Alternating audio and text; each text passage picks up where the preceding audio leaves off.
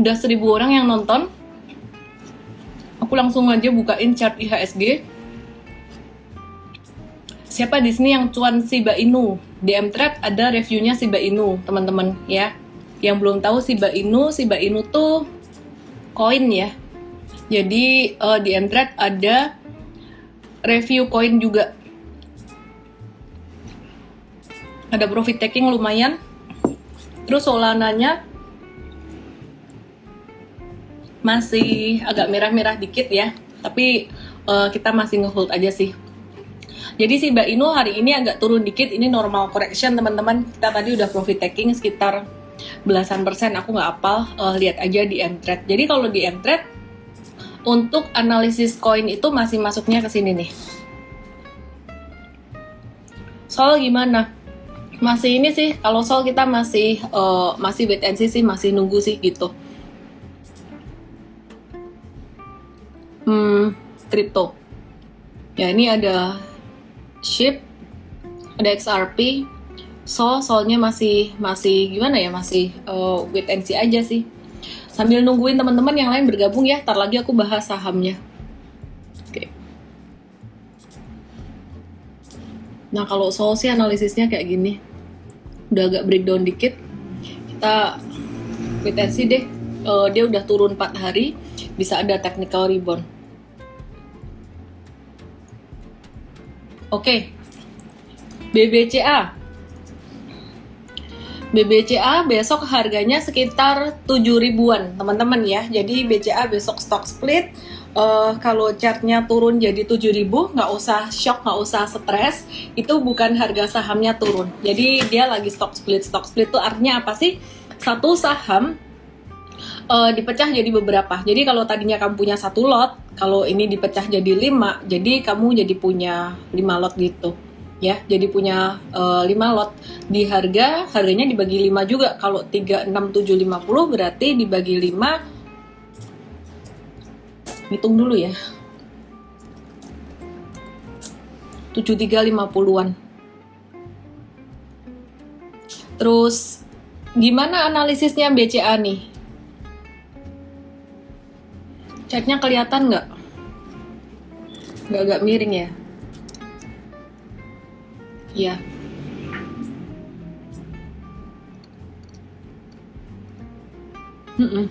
Chartnya BCA saat ini dia lagi kena resisten kuat banget ya. Jadi kalau nanti turun itu normal dan jangan dianggap turunnya gara-gara stock split sekali lagi ya, jangan dianggap turunnya gara-gara stock split. Kalau misalkan dia turun itu normal banget karena dia udah rally dalam ini aku coba ukur.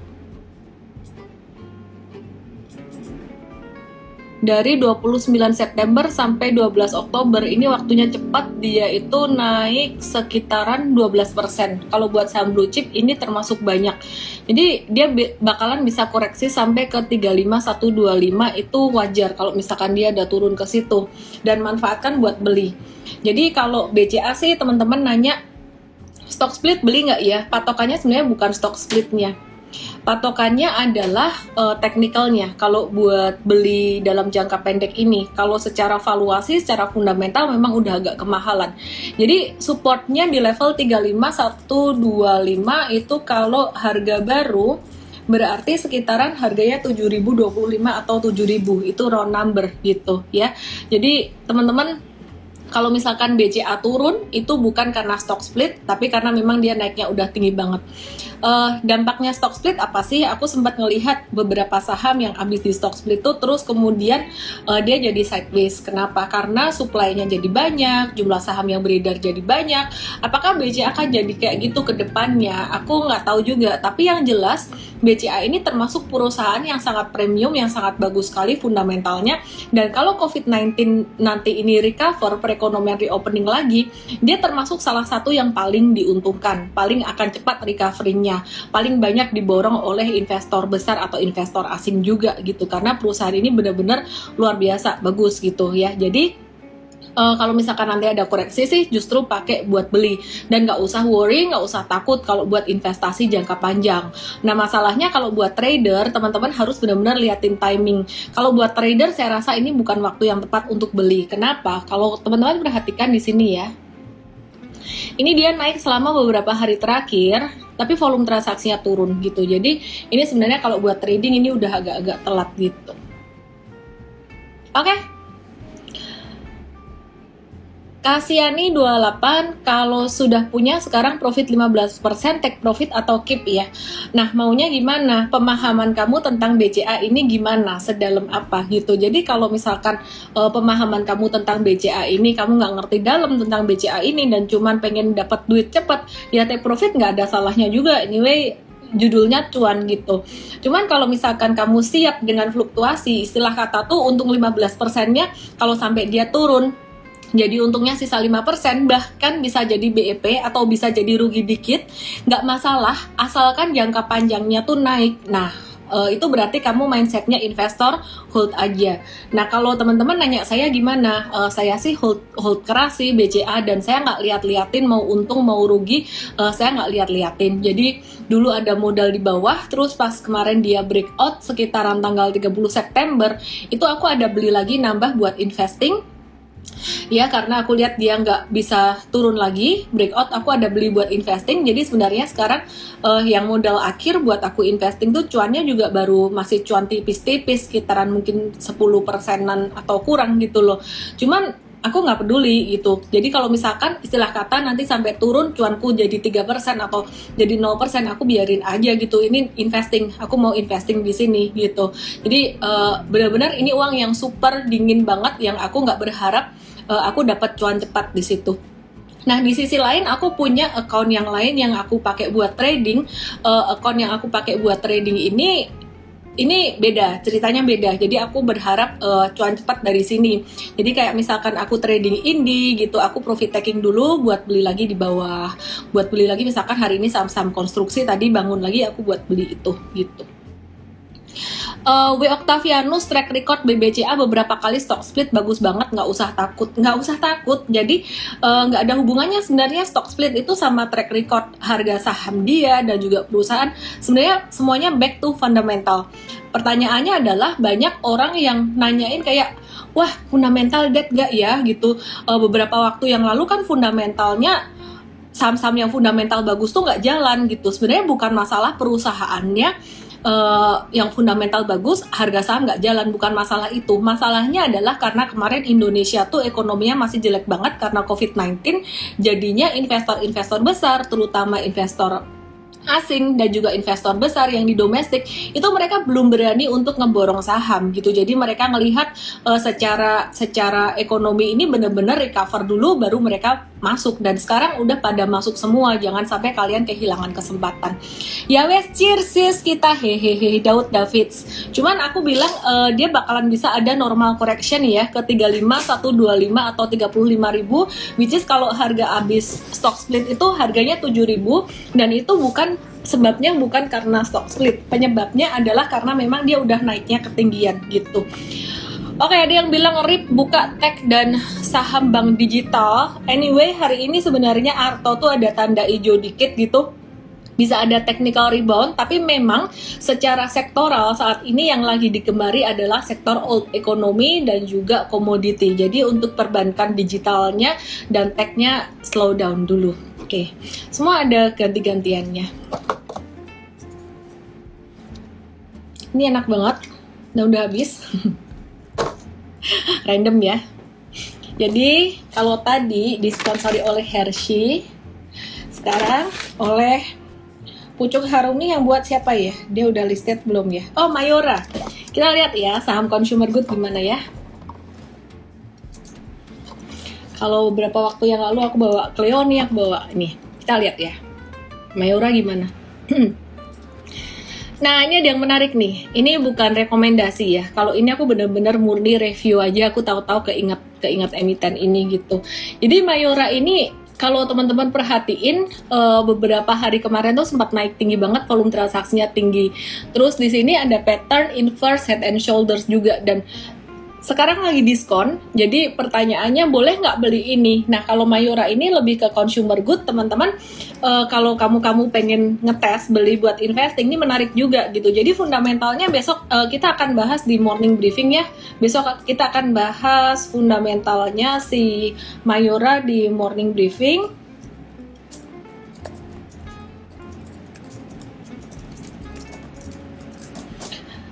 Kenapa dia menarik untuk diinvestasi, valuasinya gimana, dan juga track recordnya gimana. Oke, sebelum aku bahas sektor consumer good dan sektor yang lainnya, ini tadi ada request untuk bahasin BRI dong. Abis bahas BCA, mau ya bahas BRI. Oke, aku akan bahas BRI ya. BRI buat teman-teman yang trading di sini, ini sama kayak BCA, which is sama kayak IHSG kita juga. Ini udah deket banget sama resistennya. Jadi sebenarnya kalau misalkan aku nggak tahu kalian punya di harga berapa, kalau punya di harga di atas 3950 atau di atas 4000 take profit nggak apa-apa kalau buat trading tapi kalau punya harga di bawah 3950 kok saya rasanya sayang ya kalian uh, jual ya jadi untuk BRI ini M-Trade waktu itu ada rekomend di sini ketika dia red issue turun-turun di sini dan ini benar-benar jadi best price banget. Nah ini kelihatan pas di sini dia naik uh, harganya volume transaksinya tuh naik. Jadi kalau kamu kamu punya dapat harga di sini, kalau aku sih hold keras. Jadi hold keras BRI ini buat investing karena tahun depan belum tentu kalian bakalan dapat harga semurah ini gitu. Wah, tapi kalau aku dapat harganya di atas 3950 atau di atas 4000 gimana ya? Bakalan ada normal correction kalau kamu rela ya uh, sekarang udah cuan sampai 4220 tuh udah cuan lumayan kan aku hitung dulu kalau dari 3950 sampai harga sekarang berarti udah cuan sekitaran 6% kalau sampai dia turun ke 4000 berarti cuan kamu sisa 1 sampai 2% dipotong fee broker mungkin udah sisa dikit hampir habis gitu. Uh, terserah mau trading ya nggak apa-apa. Take profit sekarang nggak ada salahnya karena pasti akan ada koreksi. Pasti akan turun. BCA BRI ini pasti akan turun dan itu normal. Uh, IHSG akan koreksi dan itu normal dan nggak apa-apa. Uh, kalau mau trading silahkan mau profit taking silahkan tapi kalau mau invest tadinya yang cuan 6% terus jadi cuan satu persen nggak masalah. BRI aku juga termasuk yang agak telat belinya. Jadi waktu itu ada beli di sini anda beli di sini? Ya terus aku uh, kasih tahu anak-anakku ya mereka masih belum terlalu peduli dengan saham sih. Cuman aku kasih tahu beli terus belinya telat disuruh beli nggak beli beli beli akhirnya belinya di sini. Ya anyway lebih baik agak terlambat sedikit daripada enggak. Dan itu buat invest gitu. Jadi kalau buat anak-anak sih aku lebih kasih buat invest ya karena mereka sibuk sekolah juga nggak kepantau. Takutnya kalau buat trading trading dikasih trading nanti nggak kepantau ada saham yang rugi jadi experience-nya nggak bagus. Maya Rosita koreksi normal sama dengan kesempatan beli. Iya benar sekali ya. Terus BMRI sekalian dong gitu. Sebenarnya empat-empatnya bagus semuanya. Cuma terakhir aku fokus di dua itu aja. Eh, BCA dan eh, BR, BCA dan BRI. Nah, kalau Bank Mandiri ini juga naiknya lebih gila lagi ini naiknya lebih drastis banget dan ini tanda yang sangat bagus sekali bahwa uh, market itu udah mulai akan recover ya. Udah mulai akan recover. Selalu kalau recovery di market abis crash itu selalu diawali dari saham-saham perbankan besar dulu yang naik gitu. Jadi kalau udah kayak gini naik kayak gini ini bakalan bakalan strong bullish sampai beberapa bulan ke depan bahkan sampai tahun 2000 uh, eh, sampai tahun 2022 nanti gitu. Jadi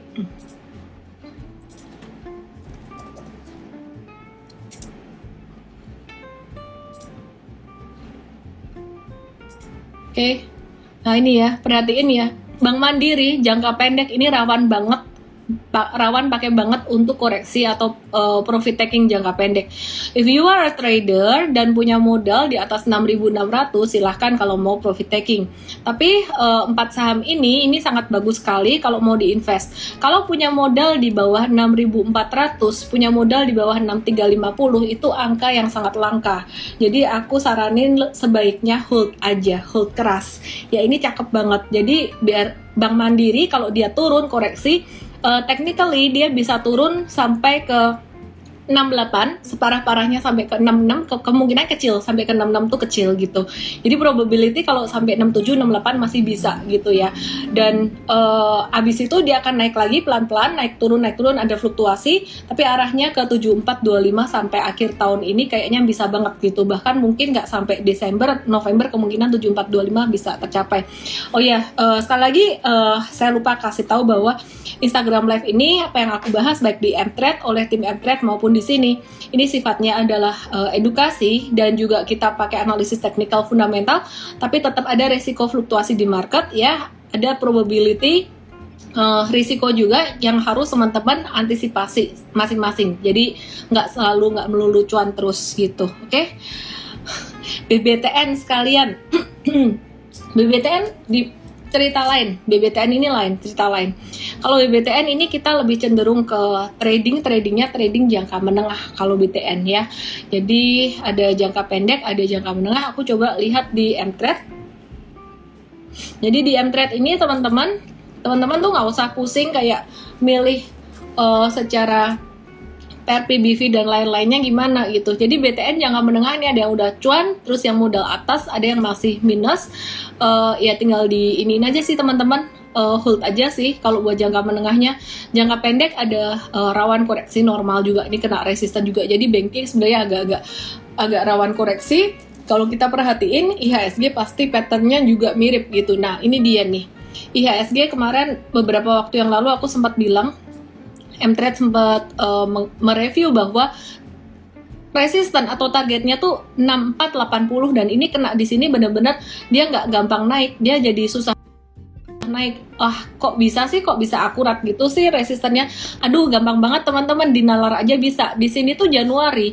Banyak nyangkuters. Jadi sekarang para nyangkuters itu mereka lagi ngelus dada kayak bernapas lega. Ah oke okay lah untung untung untung. Sahamnya balik lagi. Dan mereka lagi berpikir sebagian dari mereka berpikir untuk jual nggak ya jual nggak ya? Mungkin sebagian dari mereka stres kayak udahlah eh, nggak usah saham-sahaman lagi aku jual. Saya harap nggak demikian. Kemudian ada yang udah beli di bawah orang-orang yang beli di bawah uh, mereka yang trading mereka mulai jualan di sini.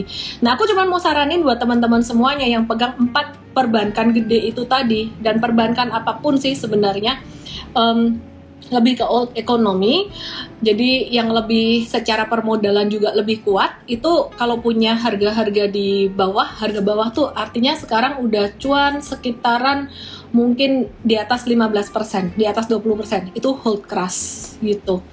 Terus ada yang nanyain Astra International, hari ini judulnya adalah saham blue chip. Aku review saham blue chip dulu, baru saham second linernya ya. Astra International bakalan koreksi sampai level berapa? Astra International ini dia bagus, uh, jangka pendeknya dia lagi ngebentuk pola tenan meskipun flagnya tiangnya nggak gitu oke okay ya. Jadi kalau Astra International mau nawar sekitaran 5625 gitu. Nah, ini untuk ASI kemarin waktu di bawah harga 5525 ini valuasinya juga oke okay banget gitu. Cuma sekarang udah agak-agak mahal, udah agak-agak naik, tapi upside-nya masih ada.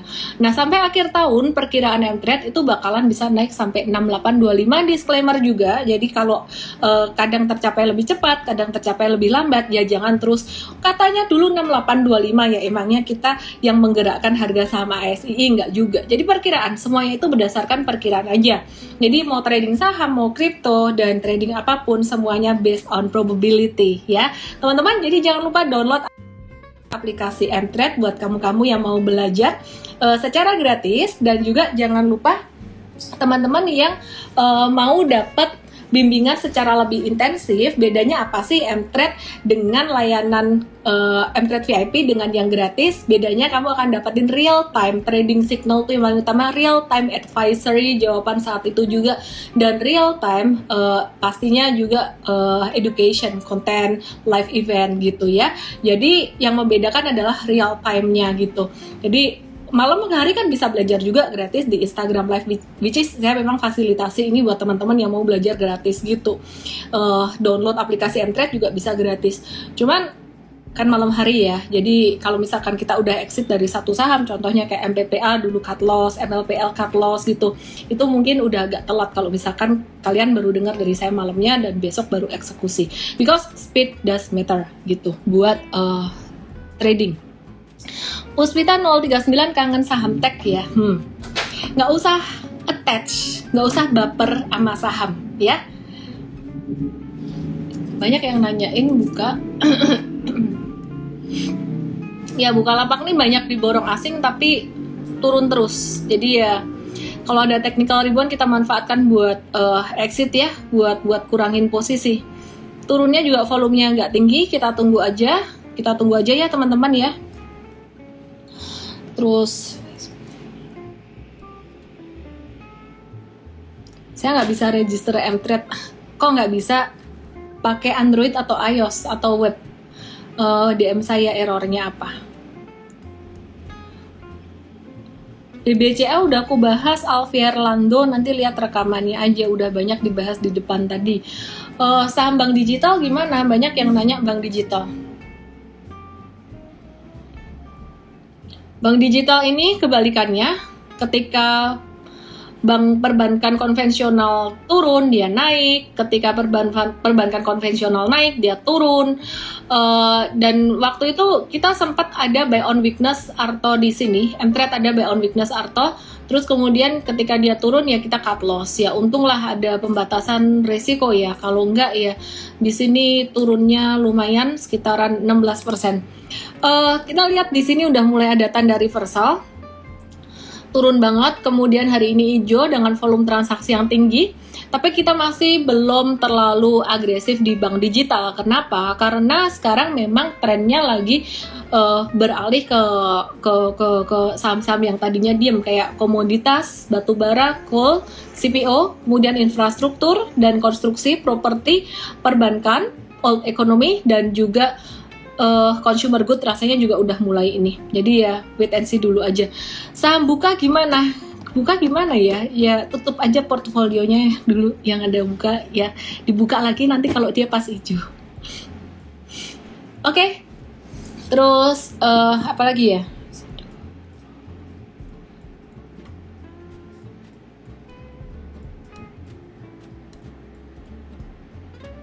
BBKP, BBYP, bank digital nggak usah dipikirin guys. Be flexible, be flexible. Kalau memang udah bukan timingnya untuk, udah bukan masanya untuk trading bank digital, ya jangan trading bank digital gitu, jangan maksain diri gitu. Jadi ini yang aku pelajari selama bertahun-tahun jadi tra trader, uh, jadi investor tuh kayak market berubah terus. Kita banyak belajar, ya, kita banyak belajar. Uh, MTech Android udah nggak punya lama. Udah lama nggak ada itu ya. Terus construction gimana? Banyak yang nanya construction. WSKT gimana nih? Hari ini tadi WSKT-nya lumayan naik. WSKT-nya lumayan naik untuk uh, hari ini tadi dan agak-agak aktif ya. Tapi sore hari ada koreksi normal correction ya kita ngelihatnya sih ini masih normal konsolidasi aja. Nanti masih bisa lanjut untuk uh, menguat resistennya sekitaran 1140 kalau misalkan nggak menguat ya pembatasan risiko dilakukan kalau misalkan dia turun di bawah 970 gitu. Jadi sekitaran 945 atau 950 gitu. Oke, terus untuk saham yang lainnya tadi aku lihat untuk BSBP dan kawan-kawan ini juga naik lumayan signifikan tapi sore hari rasanya banyak scalper yang mulai profit taking mungkin takut IHSG-nya udah di ketinggian tapi breakoutnya WSBP hari ini cakep cakep banget breakoutnya WSBP jadi ya hold aja buat kalian yang uh, masih punya apalagi punya modal di bawah di bawah 148 ini masih oke. Okay. Mending WSKT atau PTPP sebenarnya sama aja dua-dua, cuman PTPP ini udah jalan duluan. Jadi kalau kamu yang baru mau beli ya lebih ke WSKT sih gitu. Jadi PTPP udah rally-nya udah jauh, udah dekat rawan profit taking jangka pendeknya gitu. Nah, terus ini ada juga yang nanya untuk SMBR gimana ya dia masih konsolidasi uh, jangka pendek konsolidasi tapi ini kita lihat konsolidasinya bagus banget banyak banget saham-saham yang mulai ngebentuk flag atau pennant gitu bahas stock split BCA seru nih udah aku bahas banyak di awal tadi ya aku udah bahas banyak di awal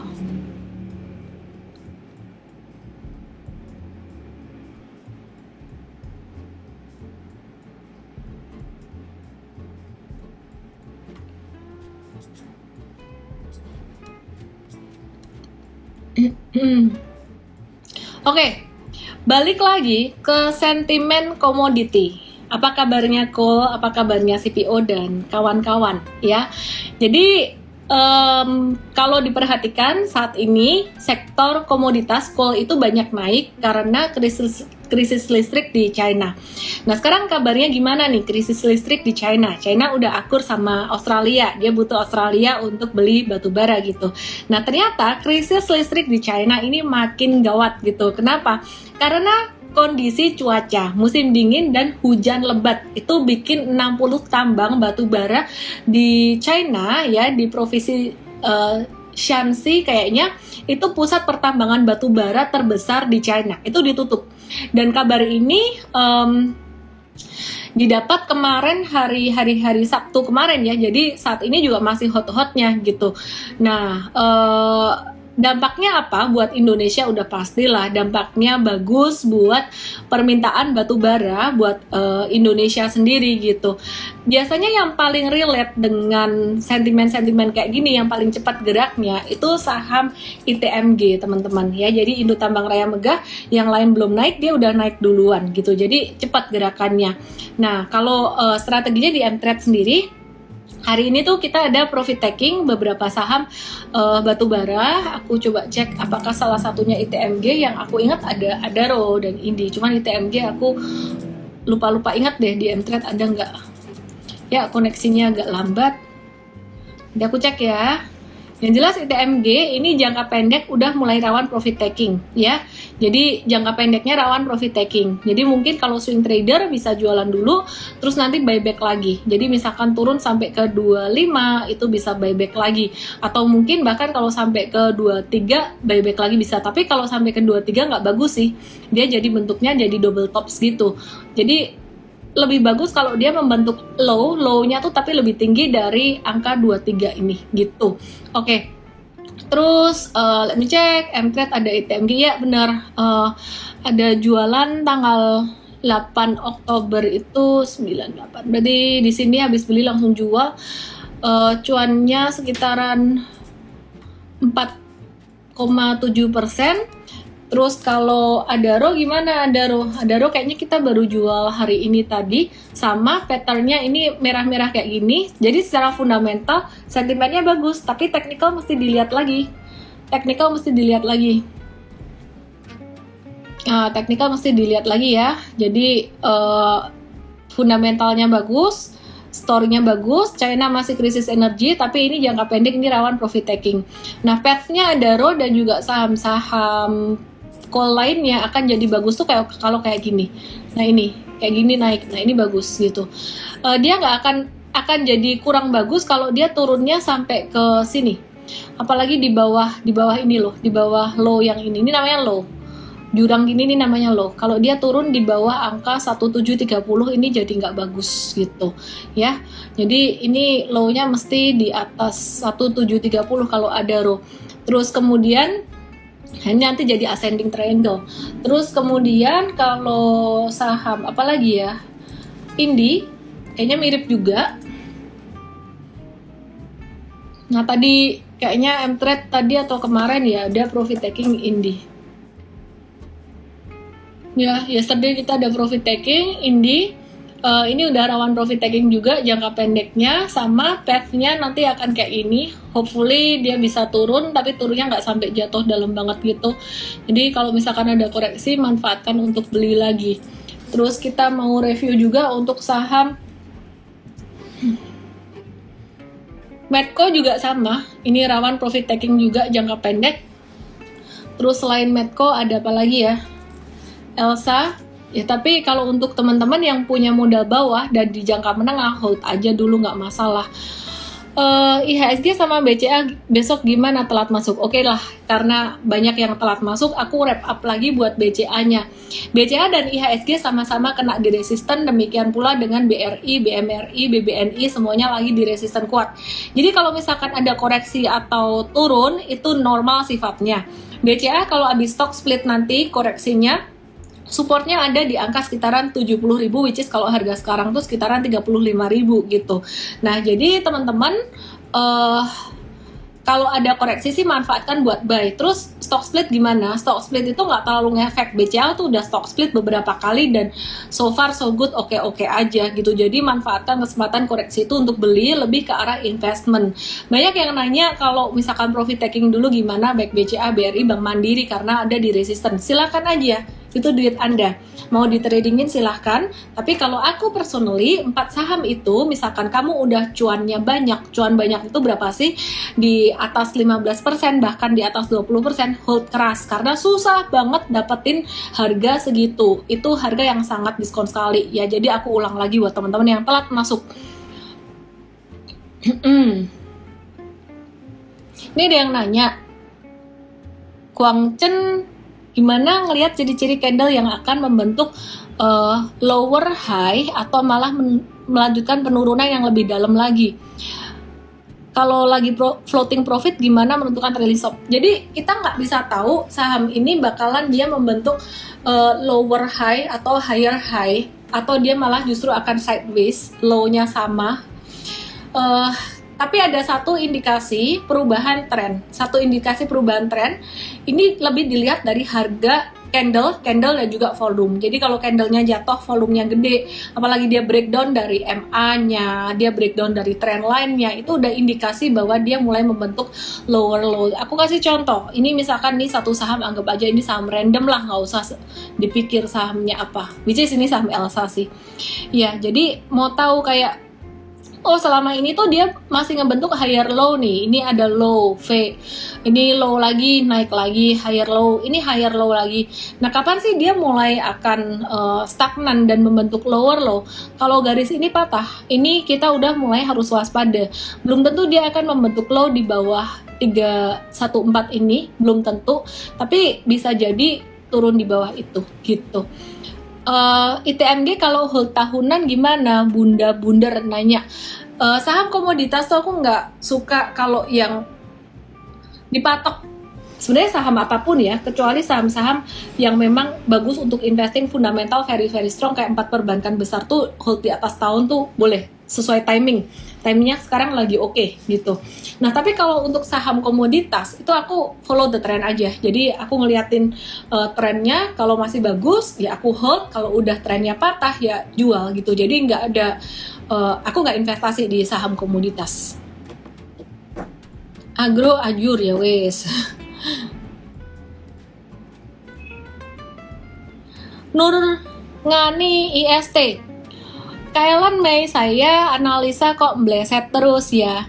Cara analisa untuk swing trading gimana? Um, ya aku kasih kamu M-Trade ya, aku kasih kamu M-Trade dua minggu deh. Nurngani underscore, underscore IST langsung aja DM saya EMT uh, 15 15 hari EMT 15 atau ya nggak tahu berapa lama ya 14 atau 15 pokoknya tulis aja MT15 uh, nama email WhatsApp dan nanti kamu akan banyak belajar di situ.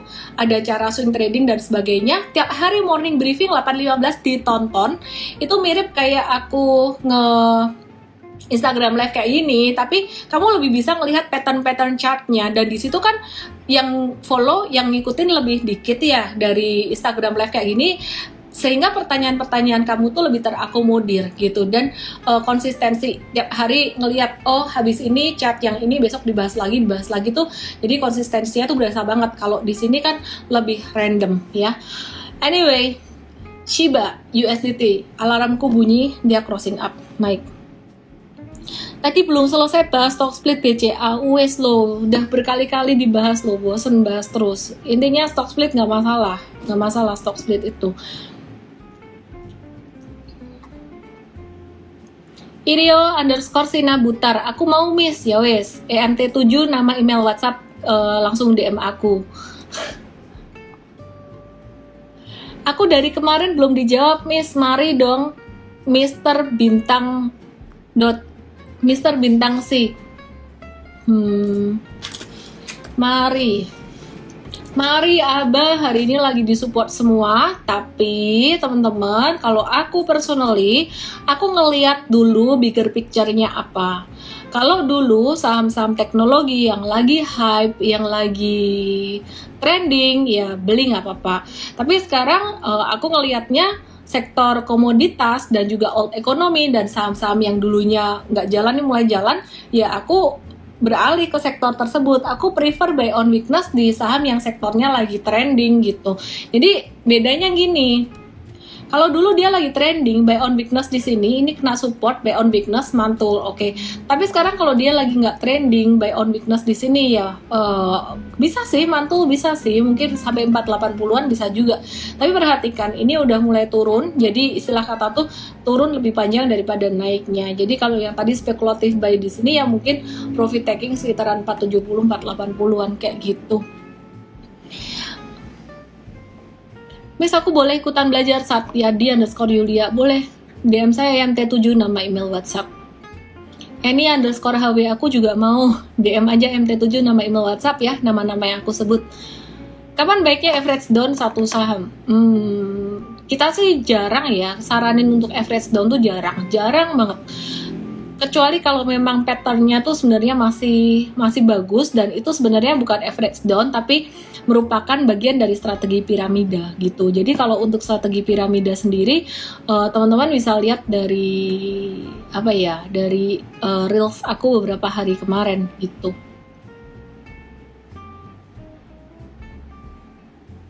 Nah itu dia Budi Erakmanto aku pin ya. Ikut morning briefing uh, dua minggu mulai dapat feelingnya baca candle. Masih harus terus belajar. Yaitu sebenarnya kalau belajar teknikal aja gampang. Mau baca artikel kita baca buku nonton YouTube mau apa aja gampang. Tapi sebenarnya yang complicated itu kan bukan soal teorinya kan. Yang complicated itu kan pas actionnya. Teori gampang buy on weakness. Kalau pas candle gini oke. Okay. jual kalau pas candle gini prakteknya harga bergerak naik dan turun bingung Itulah mengapa di Mtrade ada layanan tanya saham. Jadi kamu bisa tanya gitu. Oke? Okay? Bilna orang aku juga mau dong miss MT-nya. Langsung aja ketik saya MT7 nama email dan WhatsApp yang aku sebut namanya uh, malam hari ini aku nge-live-nya sampai jam segini aja. Buat teman-teman yang lain boleh dong diinvestasikan investasi leher ke atas untuk kamu bisa belajar trading dan investasi lebih baik dibimbing tiap hari. Yang paling penting tuh prakteknya, bukan teorinya. Kalau teori baca buku doang bisa, baca artikel bisa, tapi tiap hari kalau dibimbing terus, bimbing terus, nah itu yang paling penting dan kamu tanya ada yang mengakomodir untuk menjawab dengan benar. Jadi bukan uh, kalau grup discussion bingung yang jawab macam-macam orang pandangannya beda-beda gitu. Kalau kita enggak ada satu sistem yang kita pakai, jadi teman-teman bisa belajar. Nah langsung aja uh, klik link di bio saya atau ke mtrap.id mumpung marketnya juga lagi bagus jadi kamu bisa belajar dengan baik juga gitu sebentar lagi saya akan join jam 9 aku mau makan dulu Abis itu aku akan join jam 9 di clubhouse teman aku uh, Sukor Sekuritas, Sukor Asset Management. Mereka punya satu clubhouse namanya Investor Bahagia. Aku akan share di situ. Kayaknya mereka bakalan banyak nanyain hal-hal yang personal deh, bukan nanyain saham. Ya, hopefully bisa bermanfaat buat teman-teman semuanya. Saya Ellen May, salam profit. Jangan lupa kasih bintang 5-nya di aplikasi Android dan iOS. Dan teman-teman, kalau kamu mau jadi coach atau trader M-Trade, langsung aja ke uh, mtrade.id garis miring karir. Langsung masukin lowongan kamu di situ atau tulis di DM saya. Mau lamar sebagai apa gitu ya. Jadi kita open recruitment terus dan terus. Bye bye good night